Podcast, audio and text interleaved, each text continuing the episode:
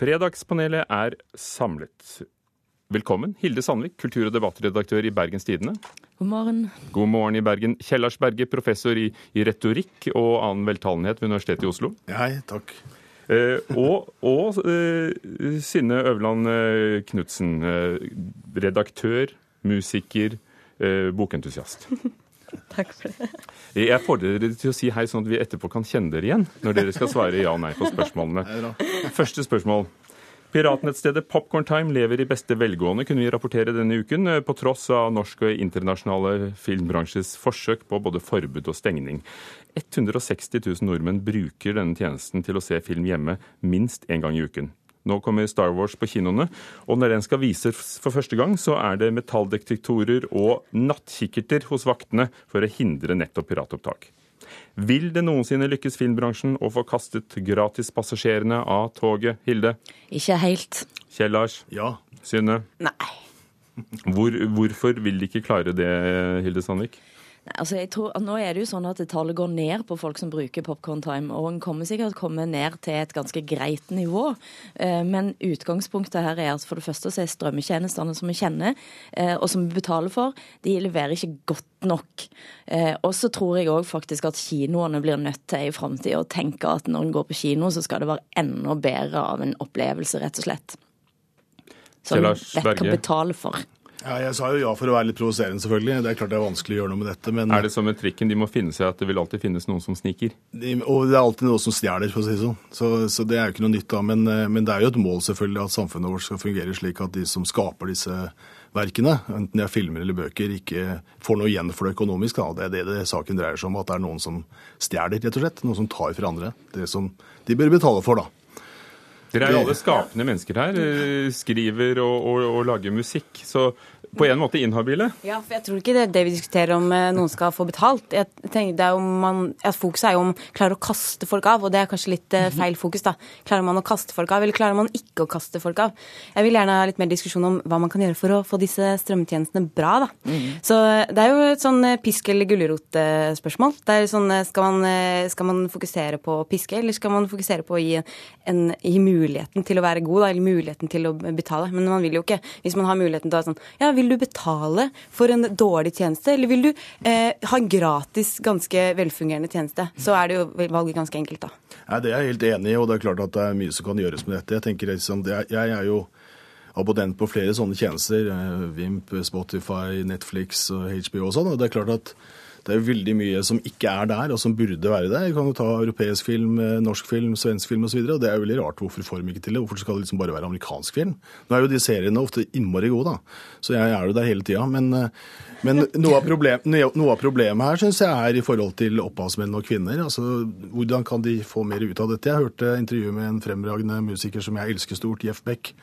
Han fortalte at han tjener altså ingenting på å være på Spotify på, på disse tjenestene. Og så hvordan er det mulig, liksom? Hvem er det som tjener penga? Og han må reise jorda rundt. Han er over 70 år og reiser jorda rundt og spiller for, på konserter. Det er der du tjener penger ved å lage events, da, hvor altså gamle gutter sånn som meg kommer og ser på sin stjerne fra 60-tallet en gang til, ikke sant? Og betaler 2000 kroner for billetten, da. Men det tror jeg, det er jo nettopp det jeg tenker altså med kinoen òg. Kinoen har faktisk den muligheten til å lage, lage det til party og gå på kino.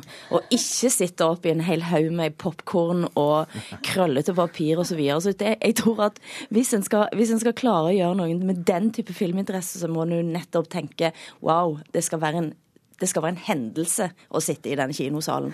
Og dessverre så blir det jo på en måte bare verre og verre. Tjenesten må bli bedre, sa du, Synnøve Øverland Knutsen. Du har jo selv eh, gått i bresjen for å lage en podkast der forfattere leser inn også upublisert materiale. Um, har du da noen ideer å Kjempebra gi dem? tjeneste.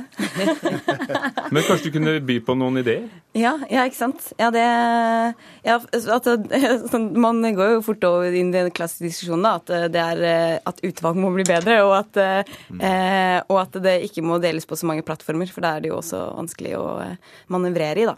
Men eh, ja, vi kan også tenke litt kreativt, men det får vi gjøre over en kaffe, da, vet du. Altså, jeg, jeg vil si som forbruker, altså, du kaller det eller kulturmenneske, så syns jeg det er helt fantastisk det som har skjedd. Jeg mener, Før i tida så måtte jeg lese engelske musikkblader liksom for å høre hvilke, eller vite hvilken plate jeg skulle kjøpe, så jeg måtte gå ned i en butikk i Oslo for å finne den plata. Nå kan jeg altså i løpet av to sekunder finne hele verdens musikk, så å si, på ett nettsted. Og så kan dere jo Det er ufattelig utvikling, altså. den klassiske serien Blindpassasjer gratis på nrk.no. Jeg bare, bare nevner dem. Nytt spørsmål. Y-blokken i regjeringskvartalet er havnet på listen over Europas mest truede kulturminner. Inntil for eh, noen få år siden så skulle den fredes, nå skal den rives. Vil arkitekter, Picasso og kulturminneentusiaster lykkes i å få regjeringen til å snu og bevare dette stykket arkitektur midt i Oslo? Ja, altså, jeg veit ikke, men eh, jeg svarer ja. Nei, dessverre. Eh, ønsketenking, ja, eh, må jeg si eh, da. Men altså, jeg, helt ærlig så tenker jeg at noe av det beste jeg kunne tenke meg, var politikere og andre som har, som har mulighet til å si vet du hva, beklager, jeg tok feil. Og det er dessverre en mangelvare, så derfor så tviler jeg vel på om de kommer til å snu. Men jeg skulle ønske det. Ja, nei, altså, Jeg kjenner jo de bygningene ganske godt, eh, Høyblokka, og jeg har vært eh, både utafor og innafor Y-blokka. og Det er jo et nydelig bygg, altså. Så hvorfor i all verden skulle rive akkurat det, og ikke den der fæle Høyblokka, det forstår ikke jeg. Fordi at Y-blokka har en slags organisk form, og, og er en praktfullt stykke arkitektur i den det, på det området. Så hvorfor kunne de ikke gjort noe kult istedenfor der Høyblokka er, og liksom kombinere den nydelige Y-blokka med et sånt litt stilig bygg, da. Jeg, jeg skjønner ikke helt hvorfor, altså. Var ikke dette noe folk elsket å hate inntil for Jo, ikke så lenge siden? Fordi det rev noen forferdelig flotte bygninger som var der før. ikke sant? Hele Hammersborg var jo totalt mattraktert. Vi- Gamle Oslo er jo liksom ødelagt, dessverre. Det er lenge siden, altså. Jeg tenker at fortellingsverdiene er litt eh, sterk her. Sånn at eh, jo, jo vanskeligere Altså jo mer verneverdig det bygget er, jo vanskeligere er det å rive det.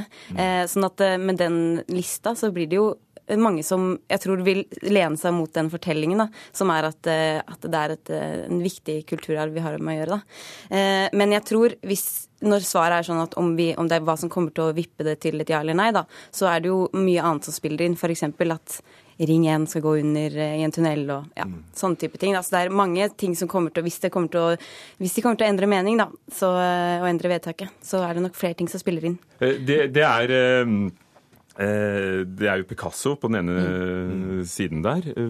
Og så er det da organisasjonen Europa Nostra, fortidsminnevernorganisasjon, som står for dette. Arkitekter tar til, tar til orde for å bevare Y-blokken. Kan det hende at ikke dette nødvendigvis har gjenklang i alle? At ikke alle, alle liker dette materialet naturstein, som var kjempepopulært på 60-tallet? Men folk liker lister.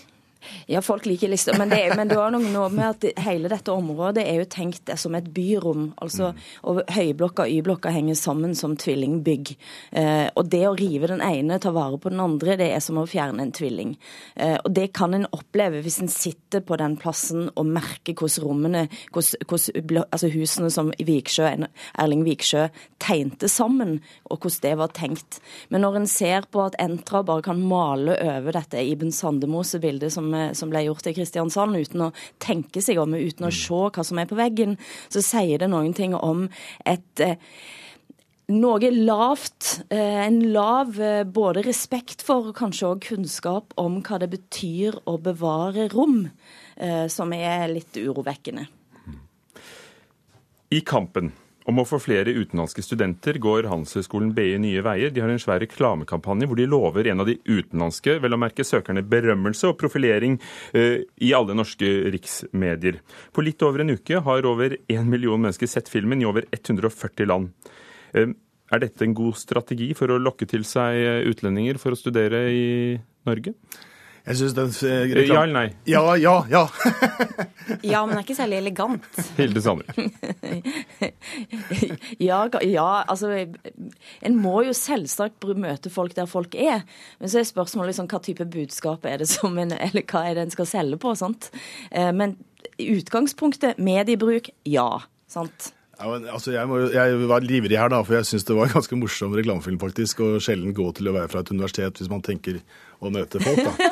Jeg, jeg har selv vært med i en sånn kampanje for Universitetet i Oslo. Jeg tror ingen husker den, knapt nok meg selv. Så, eh, så, men altså, samtidig så har jo Det er jo ikke liksom det akademiske eto som er i forgrunnen, men det er jo ikke akkurat det vi forbinder med BI. BI er jo en utdanningsmaskin. Nå er ikke BI her for å forsvare seg, som jeg skal si. Men uh, Kjell Lars Berge, de har faktisk sagt at de kommer til å gjøre det. De, de skal kjøpe annonser, de skal profilere ja, dette stakkars mennesket som ønsker ja. berømmelse. Ja. Uh, jeg trodde det var en god utdannelse folk ville ha når de meldte seg på? Ja, Da, da er du inne på det som jo for oss som er universitetsmennesker og syns jo det er akademiske tradisjoner og, og, og verdier har mye å si, da. Men det er klart, eh, BIs tradisjon er jo en litt annerledes uh, tradisjon. Det, det, må jo sies, og det er jo ikke noe til forkleinelse for dem. De bare tenker omkring dette på en annen måte. De skal levere utdannelser til næringslivet. Det er deres uh, hovedoppgave, tror jeg. Og Universitetene har jo en, og de skal også drive forskning knytta til det, så det er en instrumentell organisasjon mye mer enn tradisjonelle universiteter. Det tror jeg de vil være enig i, faktisk. Ja, jeg vil godt, Men jeg, vi må jo svare på om det er en god strategi eller ikke.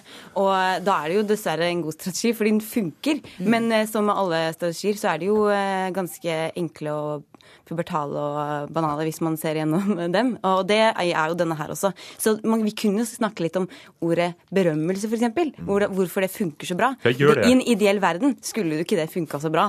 Eh, men, men, det er kanskje ikke det vi skal snakke men, om. Men samtidig så er det jo da sånn altså det har vært utdeling av nobelpriser nå. Ja. Det er en, for, altså det er en berømmelse. Og det å, på et vis kunne slå i bordet med faglighet tror jeg faktisk kan bli den nye vinen.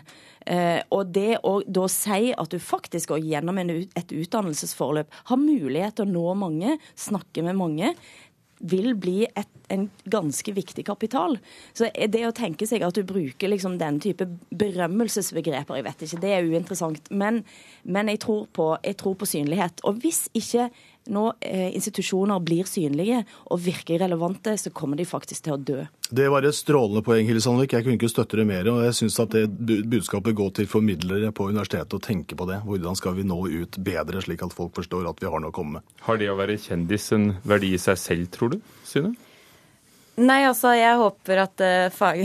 Kan, vi kan... det var så bra poeng vi skal avslutte med. Faglige faglig, uh, ressurser og interesser. Ja. Men uh, nei, jeg håper ikke det. Takk skal dere ha. Hilde Sandvik i Bergens Tidende, Kjellars Berge fra Universitetet i Oslo og Synne Øverland Knutsen fra Fanfare. Det var Fredagspanelet. Kulturnytt var ved programleder Ugo Fermariello og produsent Gjermund Jappé. Dette er Nyhetsmorgen. Klokken er straks halv ni, og vi fortsetter til klokken ni.